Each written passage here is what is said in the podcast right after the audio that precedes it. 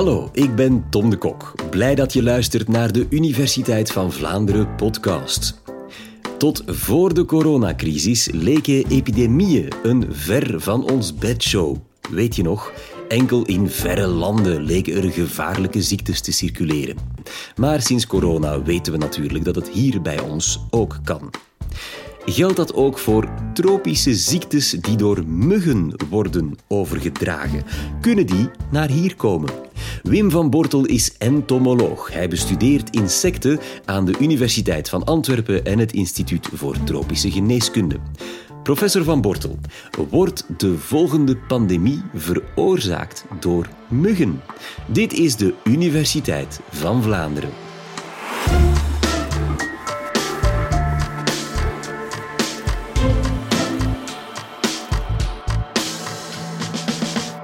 Weet je nog van dat oude koppel in de buurt van Zaventem in oktober 2020 dat aan malaria overleden is?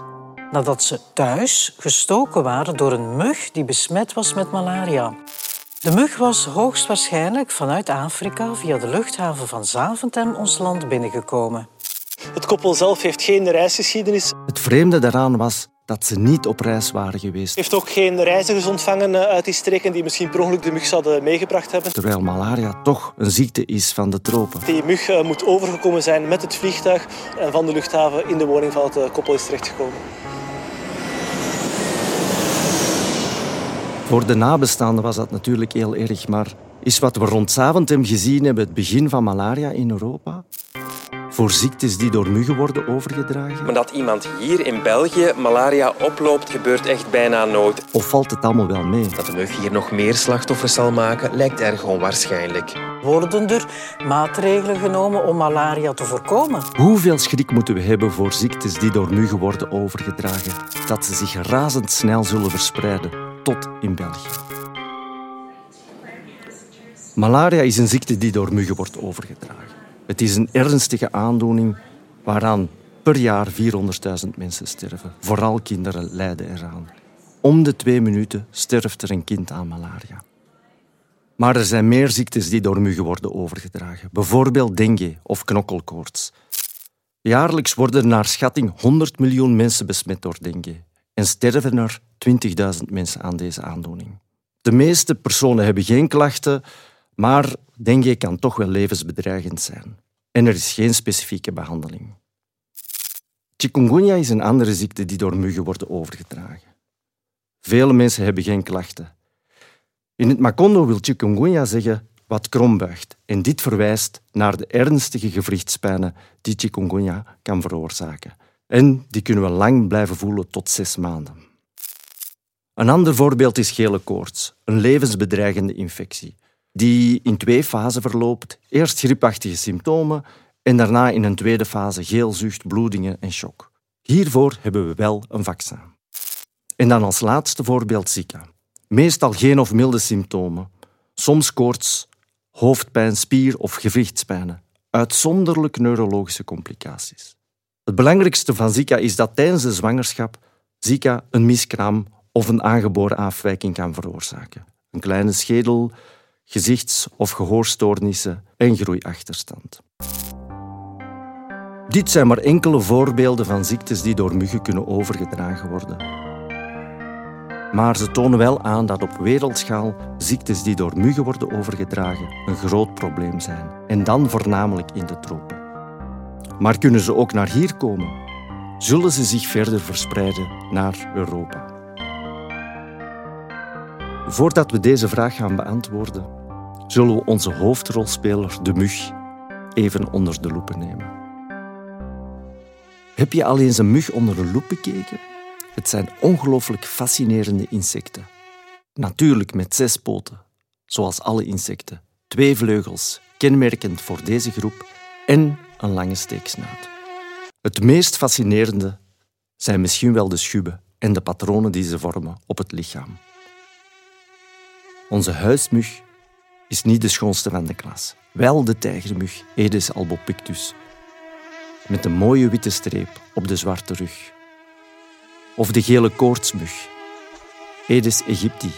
Met een wit liervormig patroon op de rug. Natuurlijk zijn muggen ook vervelend. Het zijn de vrouwtjes die bloed zuigen voor de ontwikkeling van hun eitjes. En dat bloed halen ze bij verschillende dieren, dus ook bij de mens. Voor ze bloed zuigen, spuiten ze wat speeksel in, zodat ons bloed niet stolt. En met dat speeksel kunnen ze ook ziekteverwekkers inspuiten. Nu, tot op dit ogenblik zijn er in de wereld 3500 verschillende soorten muggen gekend. Gelukkig kunnen niet al deze muggen ziektes overdragen. Maar hoe wordt die mug besmet? Als een mug een besmet persoon steekt, kan het met het bloed ook een virus of een parasiet opzuigen. En dan volgt dat virus of parasiet een ingewikkelde cyclus door de mug. Eerst moet het ontsnappen aan het verteringssysteem, aan de verteringsenzymen in de maag. Daarna moet het door de maag gaan en zijn weg vinden naar de speekselklieren. Niet elk virus of parasiet kan dit en niet elke mug zal dit overleven. De mug is dus geen eenvoudige injectienaald. Dus niet alle muggen kunnen zomaar eender welk ziektekiem overdragen. Er zijn soorten die het dengue-virus of het chikungunya-virus overdragen, zoals Aedes aegypti of Aedes albopictus.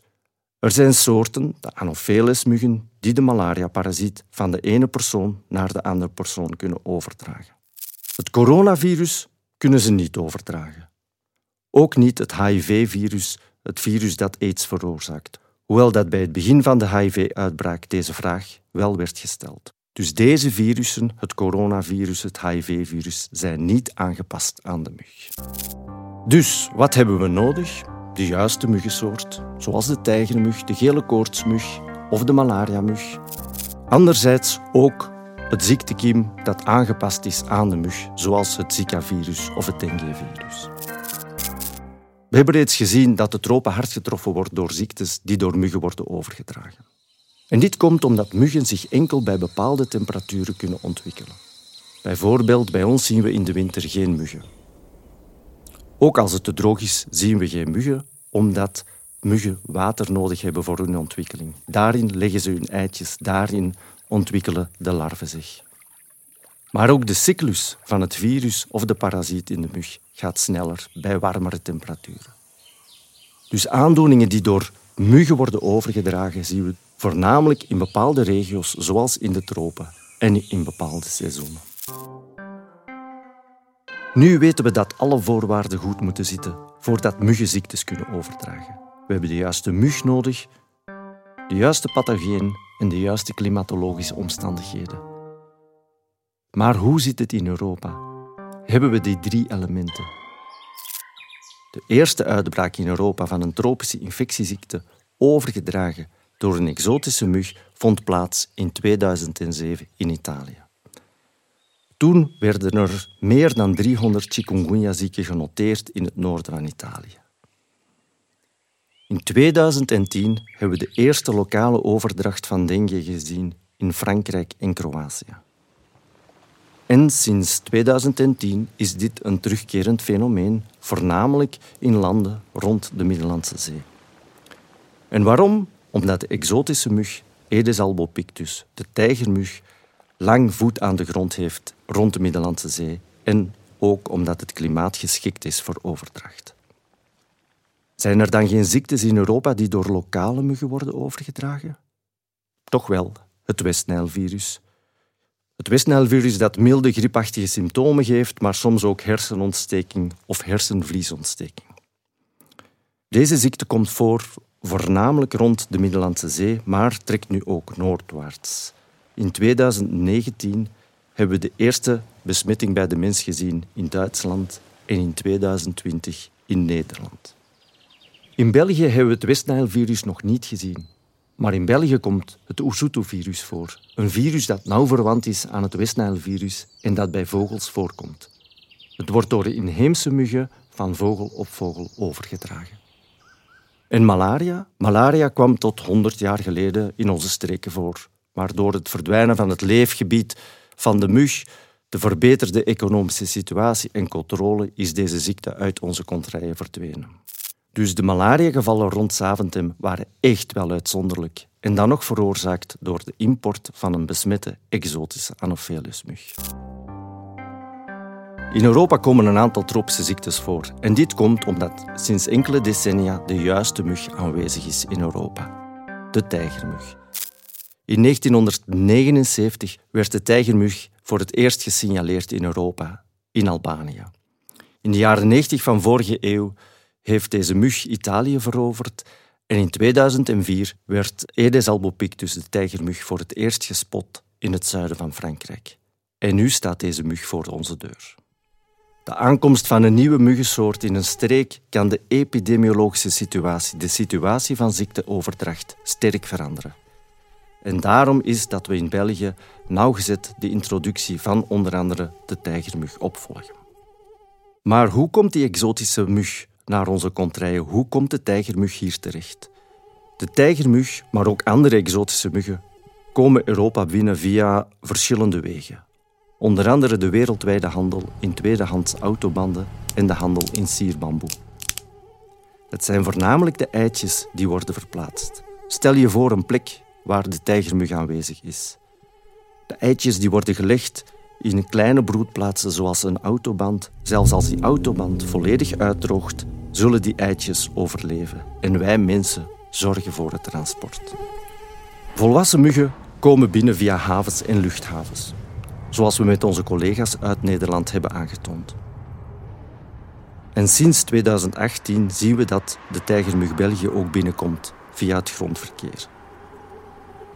Eigenlijk lift de tijgermug met ons mee. Als wij bijvoorbeeld uit Zuid-Europa, waar de mug reeds gevestigd is, terugrijden na een welverdiende vakantie. En zo vonden wij op verschillende parkings langs onze Belgische autosnelwegen naar het zuiden tijgermuggen terug in onze eilig vallen. De tijgermug is een blijver. Het is een mug die zich goed kan aanpassen en die hier kan overwinteren. Maar dat wil nog niet zeggen dat we onmiddellijk gevaar hebben voor lokale overdracht van tropische infectieziekten in België. Daarvoor moet de mug eerst een besmet persoon kunnen steken. Bijvoorbeeld een reiziger die terugkeert met dengue of chikungunya. Ten tweede moet de mug gevestigd zijn en met veel zijn. En dit is in België op dit moment in 2021 nog niet het geval. Natuurlijk moeten we ervoor zorgen dat dit zo blijft. Voor de meeste infectieziekten overgedragen door muggen is er geen vaccin voorhanden. En voor vele virusinfecties zijn er geen specifieke geneesmiddelen. Het enige wat we effectief kunnen doen is preventie. Preventie en controle door tijdige diagnose en correcte behandeling van de patiënten en, heel belangrijk, de strijd tegen de muggen. En daar doen wij met het Instituut voor Tropische Geneeskunde onderzoek naar. Wij willen de overdracht van deze infectieziekte beter begrijpen. Waar en wanneer vindt de overdracht plaats? Wanneer zijn de muggen actief? Overdag of s nachts? Waar worden mensen door muggen gestoken? Binnen of buiten? Waar houden muggen zich schuil? In het huis of buiten? Op basis van deze kennis ontwikkelen we strategieën om op de juiste plaats en op het juiste moment de strijd tegen de mug in te zetten. En dat doen we voornamelijk in de tropen. Bijvoorbeeld een muggennet waar je kan onderslapen kan goed werken tegen de malariamug die s'nachts actief is, maar zal weinig effect hebben tegen de tijgermug die overdag steekt. In België is er misschien geen acuut probleem voor lokale transmissie, maar we brengen wel de introductie van exotische steekmuggen in kaart om het risico te kunnen inschatten. Dat doen we door vallen te zetten op plaatsen waar wij denken dat de muggen ons land binnenkomen, zoals op parkings, havens, luchthavens of bedrijven van tweedehands autobanden. Uit ons onderzoek blijkt dat twee soorten permanent aanwezig zijn: Aedes coreicus en Aedes japonicus. De tijgermug, Aedes albopictus, die veel belangrijker is als overdrager van ziektes, wordt regelmatig gespot, maar heeft zich nog niet kunnen vestigen.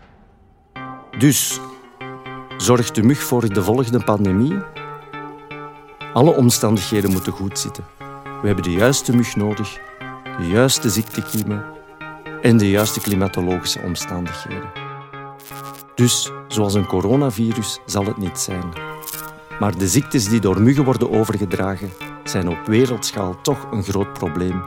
En in Europa zien we ook nieuwe muggen opduiken. Deze situatie moeten we heel goed in het oog houden. Ja, dankjewel, Wim van Bortel. Eerlijk gezegd ehm, vond ik het allemaal heel interessant, maar ook niet zo leuk om te horen. Een beetje verontrustend wat u allemaal vertelt. Want u zegt, wij houden de situatie wel in het oog. Uh, zouden we eigenlijk niet vooral nu al massaal muggen moeten gaan bestrijden, bijvoorbeeld? Als wij muggen bestrijden, willen we eigenlijk eerst weten waar de muggen voorkomen. Wij willen weten, heel doelgericht onze, onze strijd inzetten uh, tegen de muggen. En vandaar dat we in eerste instantie willen weten, wat komt er binnen, waar zitten ze en waar kunnen we de strijd inzetten. Jullie zijn dat nu dus allemaal aan het eh, monitoren.